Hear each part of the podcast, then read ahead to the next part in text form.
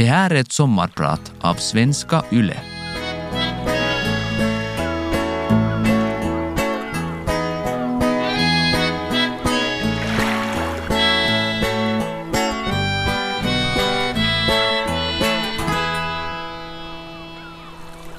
En solig sommardag år 2005 då sitter jag och några av mina bästa vänner på en klippa i Pellinge skärgård och dricker billigt bubbel.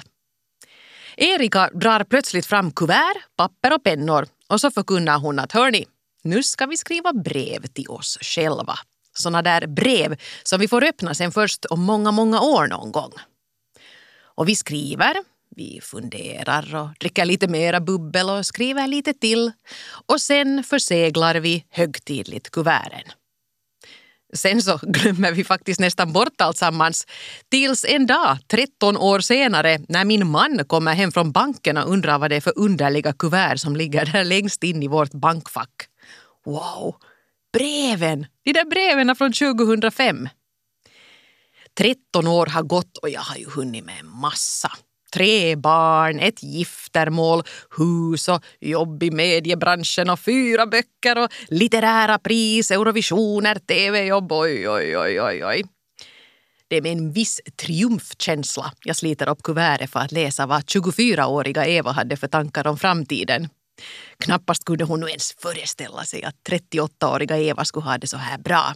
Men säkert formulerar nu 24-åringen någon sån där blygsam dröm om ett okej jobb och ett trevligt litet hem någonstans. Men inte kunde hon ju ana hur mycket fint som var i antågande. Mm. Nu ska vi se, vad står här? Hej Eva! Inte jobbar du väl ännu på Radio Vega?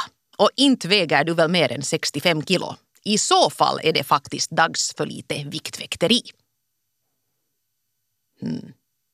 Det var en näbbig 24-åring som satt på den där klippan tydligen. Så mycket mer än det där skrev hon faktiskt inte. Och jag tänker strunta i hennes beskäftiga synpunkter. Eh, jag jobbar kvar, inte direkt på Yle Vega men på Svenska Yle och jag väger definitivt mer än 65 kilo och det tycker jag att jag ska få göra också. För hör du, Eva Ekrem, 24 bast, det blev faktiskt ganska bra. Pilutta dig! Jag heter numera Eva Frantz och jag är sommarpratare idag. I den fantastiska filmen Slumdog Millionaire där hamnar den urfattiga unga killen Jamal av en slump i tv-programmet Vem vill bli miljonär?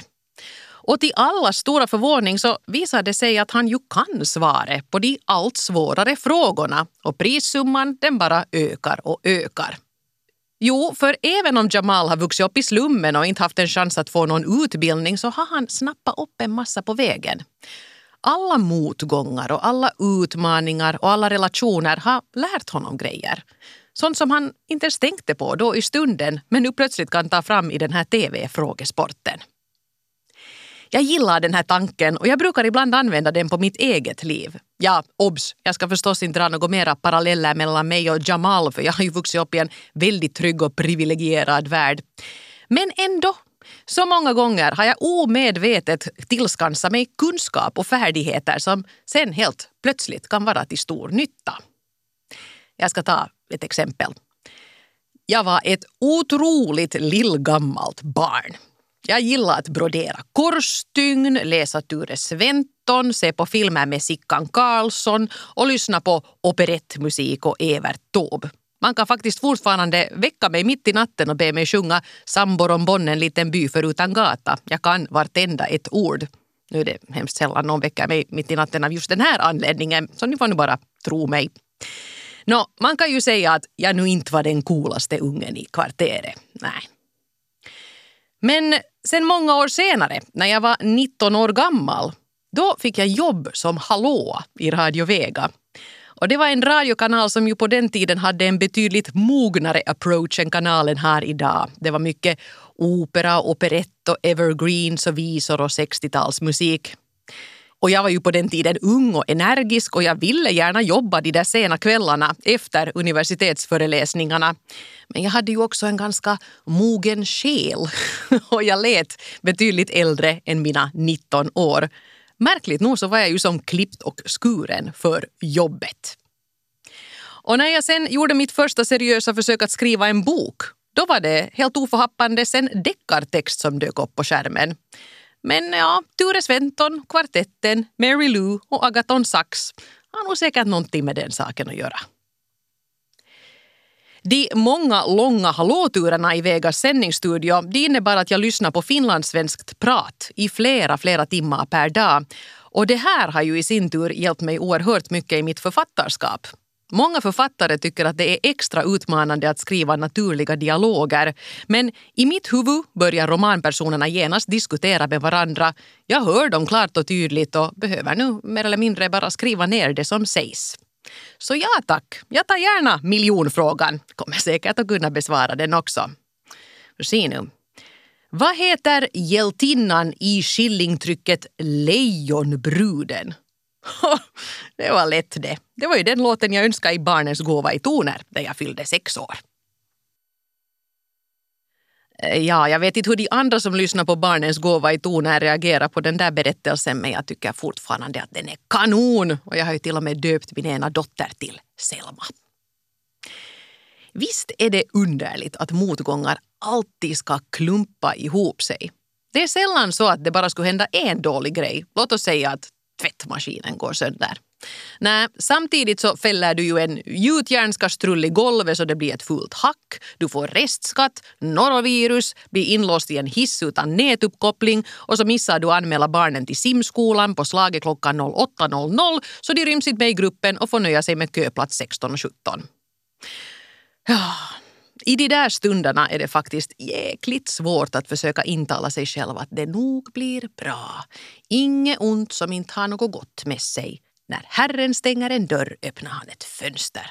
Pff. Men ändå, det är faktiskt ofta lite så. Motgångar leder till någonting bra, men det visar sig förstås sen senare. För några år sedan hade jag en riktig pissperiod. Ingenting gick som det skulle. Jag tragglade på med arbetsuppgifter som inte passade mig alls och jag var trött och sur och stressad dygnet runt. Så jag sökte ett producentjobb och fick nej. Jag sökte ett jobb på TV och jag fick nej.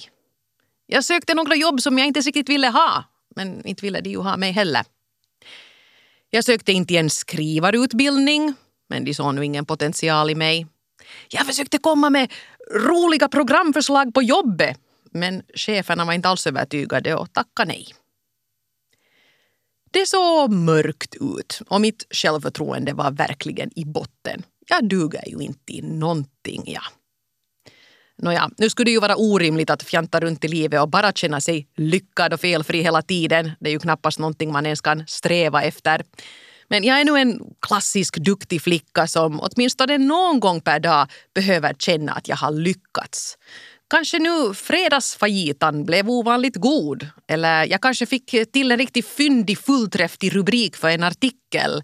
Och jag kanske lyckas tajma en låt i radio så att slutackordet exakt hinner tona ut före pip, pip, pip, pip, pip. Mm. Det behöver inte vara några oerhörda bragder.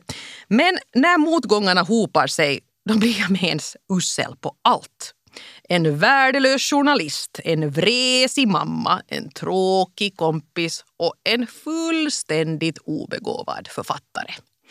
Och sällan har jag känt mig så skruttig som under den där pissvåren för några år sedan. Men sen, helt plötsligt, börjar saker hända. En helt annan skrivutbildning dök upp, en som Monica Fagerholm höll i och hon ville gärna ha med mig. Under den kursen så skrev jag mina tre första böcker inom loppet av två år. Påhejad och vänligt sparkad i aktern av Monica. Tre böcker tror jag nog inte att jag skulle ha skrivit på den där andra utbildningen. Nej, det är jag faktiskt helt säker på att jag inte skulle ha gjort. Jag sökte ett jobb till. Det var nu inte ett producentjobb eller ett flashigt tv-jobb men ett som verkar lite annorlunda och småroligt. Och det jobbet fick jag. Och det jobbet visade sig vara himla mycket roligare än jag någonsin hade anat. Ett av de där programförslagen som fick nobben för många år sedan var en podcast om relationer. Och här för något år sedan då undrade en av producenterna som då tackat nej om jag fortfarande var intresserad. Och visst var jag ju det. Och nu har jag och Hanna Norrena poddat på om relationer i snart ett år. Varje vecka skriver mängder av människor till oss. De delar generöst med sig av sina livshistorier och tankar och jag känner mig lika hedrad varje gång. Så den där pissperioden och alla dess bakslag ledde på lång sikt till flera riktigt häftiga grejer. Och hack i parketten och sånt, det ger ju bara hemmet lite extra personlighet. Det är nog beklämmande det här att det har blivit så fult att resa. Speciellt om man reser med flyg. Ja, men alltså jag håller ju med också. Det är hemskt vad vi håller på att göra med vårt stackars jordklot. Alla, ja, åtminstone vi bortskämda ilandsbor, bör se över våra vanor.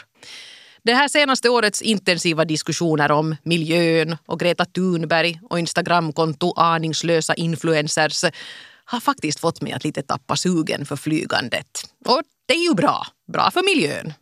Eh, mindre bra för mig själv, för, för det är ju roligt att resa. Det kommer man liksom inte ifrån.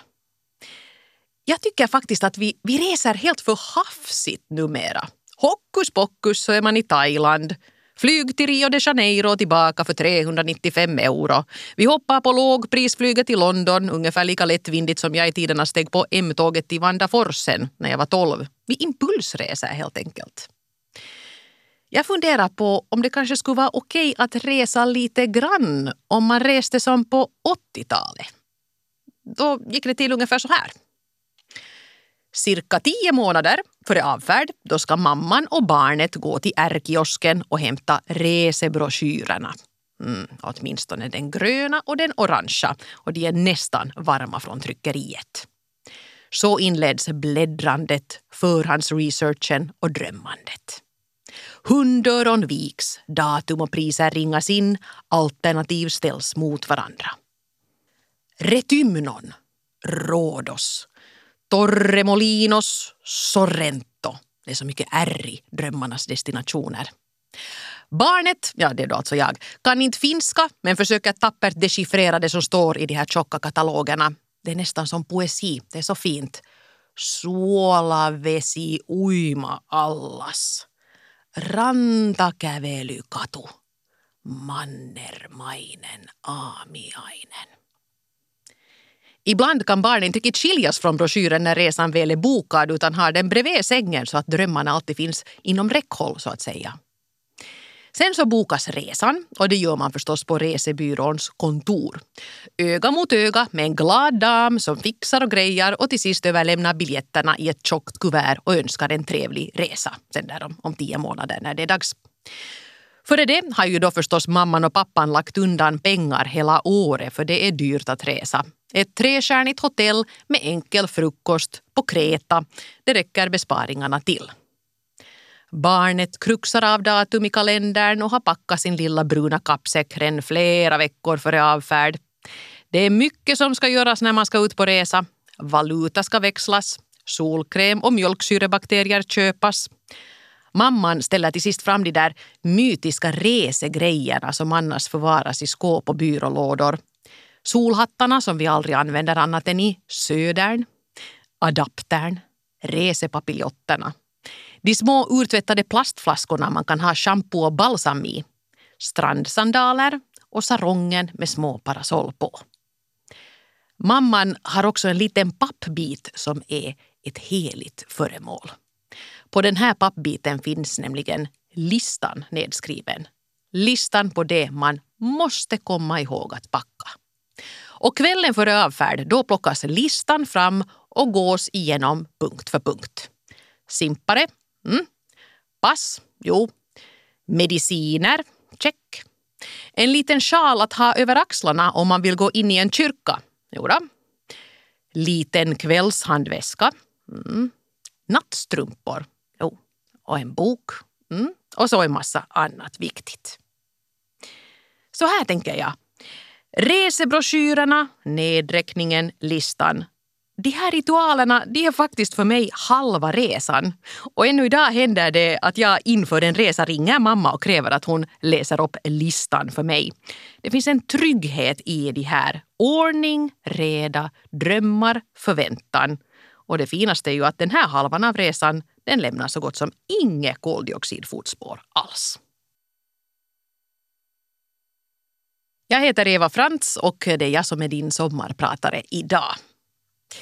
Det är inte så lätt det här med att vara en god människa.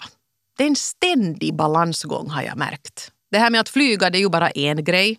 Man ska också se till att vara frisk och kry så man inte kostar samhället så mycket. En god människa är billig i drift. Och för att vara frisk måste man ju träna. Det är viktigt. Och det räcker inte med lite pigg 80-talsjumpa framför tvn längre. Nej, nej, nej, nej. Man ska springa maraton och flänga runt som en orangutang på hårda crossfitpass. Men man ska ändå hålla låg profil, för annars träningshetsar man. Och sånt gör inte en god människa. En god människa arbetar flitigt och drar sitt strå till stacken. Men hon kanske också downshiftar lite för att ha tid och energi för familjen och den där crossfitten. Men hon ska inte downshifta allt för mycket för då kan hon hamna i en kvinnofälla när hon går i pension. Speciellt svårt tycker jag det är att vara en god människa i mataffären. För en god människa vill ju äta nyttigt och näringsrikt och ekologiskt och närproducerat och säsongsbetonat och magert och vegetariskt och etiskt. Då kan man kanske köpa eh, avokado. Avokado är jättegott, fullt av nyttiga grejer och trendigt. Men avokado måste transporteras hit till Finland från fjärran länder och det är ju inte något bra. Äh, potatis. Potatis är närproducerat och tillgängligt året om och billigt. Men potatis är också fyllt av kolhydrater. Och kolhydrater ska man vara försiktig med. Precis som fett och socker och lågkaloriprodukter och färdiglagad mat. Min varukorg fylls med tafatta försök till goda gärningar. Kaffeodlaren i ett fjärran land ska ha skälig lön och inte behöva utsättas för gifter och skit, det är klart det. Barnen ska ha hälsosamma mellanmål. Ekologiska bananer är bättre, men det är ju inte så där jättenärodlade förstås. Yoghurt Nej, mjölkindustrin. Ska man understödja mjölkindustrin? Är inte kossornas mjölk till för kalvarna snarare än för mina ungar? Men nej, äh, bonden behövs också. Heja bonden! Kyckling! Ett bra proteinalternativ om du vill leva lite magert. Men oj, oj, oj, de där stackars fåglarna hur de har det. Speciellt de små tuppkycklingarna som knappt hinner ut ur ägget innan de blir nuggets. Det är verkligen inte lätt det här. Varje gång jag tror att jag har kommit på något smart inser jag att jag har misstagit mig igen. Som här för några år sedan när alla lovprisade kokosoljan. Den här oljan den var så in i vassen nyttig att man gärna kunde slänga ner några matskedar i kaffet. Kanske rent av borsta tänderna med kokosolja. Men sen dök rubrikerna upp. Kokosolja är ett gift. Det värsta du kan äta. Fullt av mättade fetter och hemska, hemska, hemska saker. Sen dök nya rubriker upp igen. Alla mättade fetter är inte hemska. Kokosolja är helt okej. Okay. Och där står jag som konsument och försöker vara god enligt bästa förmåga. Och samtidigt inser jag ju att jag befinner mig i en privilegierad storstads hipster trendhälsosyster duktigbubbla. En dag stod jag vid konservhyllan i en stor mataffär och väntade på maken som kilat iväg för att hämta någonting. Då kom ett äldre par förbi. De masade sig fram mellan hyllorna med varukärran framför sig. Mannen tittade lite uppgivet på den stora hyllan med krossade tomater. Det fanns ju ett 30-tal olika sorters krossade tomater och av någon anledning var de alla placerade ganska nära golvet. Till sist bestämde han sig och böjde sig mödosamt ner, plockade åt sig en burk och lade den i vagnen. Nej, vänta, sa damen. Det där var ju ekologiska tomater. De såg på varandra med rynkade näsor och Mannen gjorde ansats att försöka fiska upp en annan burk, förhoppningsvis en som innehöll hederliga icke-ekotomater. Men frun, hon hann förbarma sig över honom. Hon klappade honom på axeln och sa Äsch, nej men det gör ingenting. De får duga. Och så vandrade de vidare. Jag stod och såg efter dem och kände mig i den stunden lite avundsjuk fast jag inte riktigt förstod varför. Jag började skolan år 1987. Det var just där före depressionen så det fanns ännu pengar till saker i samhället. Till skolbuss till exempel. Så varje vinter, vardagsmorgon då ställde jag mig vid sportplanen och väntade på bussen. Och snart kom sen en sån här stor lyxig sak rullande ner längs med Kantelevägen. Det fanns ofta till och med videospelare på bussen så om vi hade tur visade chauffören Ducktails uh, medan vi åkte från Gamlas till Lassas till Konala till Malmgård och sen till skolan. Inne i bussen rådde stark hierarki. Längst bak satt de tuffa från Håkansåker som hade stigit på allra först och dit till den delen av bussen skulle nog inte vem som helst förirra sig. Jag minns när jag skulle åka skolbuss för första gången. Jag var förstås livrädd. Ofta var bussen så pass full när jag steg på att de helt lediga sätena var slut och då var man ju tvungen att sätta sig bredvid någon. Men vem skulle jag sätta mig bredvid? Jag klev på bussen och försökte se oberörd ut när jag skannade igenom bänkrad efter bänkrad. Jag råkade av misstag få ögonkontakt med en av de tuffa där bak men jag fick nog en väldigt tydlig blick tillbaka. Nej du, tro inte heller. Hit kommer du inte. Men så plötsligt mötte jag en annan blick istället. Två snälla ögon som tittade fram under en rosa mössa med stor tofs upp till. Vi kan kalla henne Anna-Greta. Anna-Greta var ett år äldre än jag, men precis lika lillgammal som jag. Kanske till och med snäppet värre. Hon hade till och med korkskruvslockar ibland. Jag satt mig bredvid Anna-Greta och där inledde vi sen det som skulle bli en inkörd morgonrutin. Vi bytte klistermärken och diskuterade sånt som vi tyckte var viktigt och intressant. Sissi-filmerna till exempel, Anne på Grönkulla. Precis som Anne på Grönkulla gillar vi puffärmar. Vi var ju inte coola. Vi hade inte tuffa kläder och vi gillade rosa, fast man ju skulle gilla lila. Men trevligt hade vi. Så trevligt att det märktes i hela bussen, också där längst bak. En dag på eftis hände sen någonting helt otroligt. Plötsligt fick jag, lilla knubbiga rosaklädda operettrallande jag, audiens hos de tuffa flickorna. Och hela eftermiddagen lekte vi, vad säger jag, det var klart att vi inte lekte, men vi, vi hängde på det röda staketet och pratade om tv-program som vi hade fått se för våra föräldrar. En del fick se på helt vad som helst. Din vredes dag och Nightmare on Elm Street. Jag ljög lite och sa att jag hade fått titta på varuhuset. För det var nästan sant. Mamma tvingade mig bara att blunda när de hade sex. Och så plötsligt sa den tuffaste. Imorgon Eva, då kommer du sen och sitter med oss i skolbussen och inte med någon nösse Anna-Greta. Jag hade gjort det. Jag hade klättrat i hierarkin. Jag hörde nu hemma längst bak i bussen. Jag var en av de tuffa. Nästa morgon klev jag in i skolbussen precis som vanligt, rak i ryggen och stolt. Anna-Greta hon log mot mig precis som vanligt och lyfte My Little Pony-ryggsäcken som hon haft bredvid sig för att markera att platsen var reserverad för en vän. Och längst bak i bussen, där tystnade de tuffa och tittade forskande i min riktning. Vad tänker hon göra nu då? Nå, vad gjorde jag? Jag ignorerade Anna-Greta. Jag gick rakt förbi henne vidare till mina nya vänner bak i bussen. Dit jag hörde hemma. Jag hann ändå uppfatta Anna-Gretas min när jag susade förbi. Hur häpen hon såg ut. Men jag hann ju inte fundera på det. Jag var helt för upphetsad. Den här upphetsningen den försvann ändå efter bara några hundra meters bussfärd. Det var inte alls speciellt roligt där längst bak i bussen. Det var nästan som att de tuffa också var besvikna på mig. De hade liksom riggat ett test för mig och jag hade gått rakt i fällan. Jag hörde inte hemma här bak. Ingen pratade med mig. Och långt där framme skymtade Anna-Gretas rosa möstofs. Den sloka liksom lite. Och jag blev åksjuk. I Malmgård steg en av Anna-Gretas klasskamrater på och jag hörde henne hälsa glatt på Anna-Greta och slå sig ner på den där platsen som vanligtvis var upptagen av mig. Och de satt där och pratade glatt den sista biten till skolan. I den stunden insåg jag kanske för första gången, att jag inte är en god människa. Jag var svag, lättpåverkad och illojal, dessutom lillgammal och töntig, på det stora hela en ganska värdelös person. Nästa morgon var jag lika livrädd som den första dagen på skolbussen när jag skulle stiga på. Skulle jag ha någonstans att sitta nu då? Där längst bak? Nej, det var otänkbart. Och min gamla plats? Hade jag för evigt förlorat rätten till den. Men så mötte Anna-Greta min blick. Hon log och flyttade på ryggsäcken och jag satt mig ner. Jag bad aldrig om ursäkt. Jag var för feg för det. Och Anna-Greta hon krävde det inte heller. Hon låtsades som ingenting.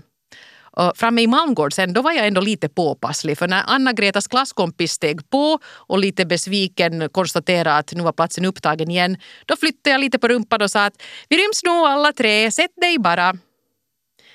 Jag är absolut ingen god människa men jag försöker åtminstone kompensera. Och jag försöker också vara nådig om någon har gjort mig illa och förlåta och inte hänga upp mig och gå vidare. Det där sista det lärde jag mig den där dagen på skolbussen av den genuint goda människan Anna-Greta. Det där med att skriva brev till sig själv, är det sånt man bara får göra när man är yngre än 25? Får man göra det när man är 40, 65, 90? Ja, varför skulle man inte få göra det om man så vill? Kunde nu jag till exempel författa ett litet meddelande till Eva, 60 år? En liten lista på förväntningar och förhoppningar och planer och visioner så här inför de närmaste 22 åren. Hoppas du har skrivit många bra böcker kan jag skriva. Kanske också riktiga böcker, för det finns ju de som tycker att deckare inte är riktiga romaner. Hoppas du har fått fina litterära pris, blivit klokare och mer bildad. Hoppas du är i ditt livs form. Det är viktigt att vara stark. Stark är det nya smala, så säger de. Hoppas du har lärt dig att vara god i alla avseenden. Hoppas du är lyckad. Eller, äh, tänk om jag bara skulle skriva så här. Hej Eva, jag är stolt över dig. Fortsätt så som du alltid har gjort. Med vänlig hälsning Eva Frans, sommaren 2019.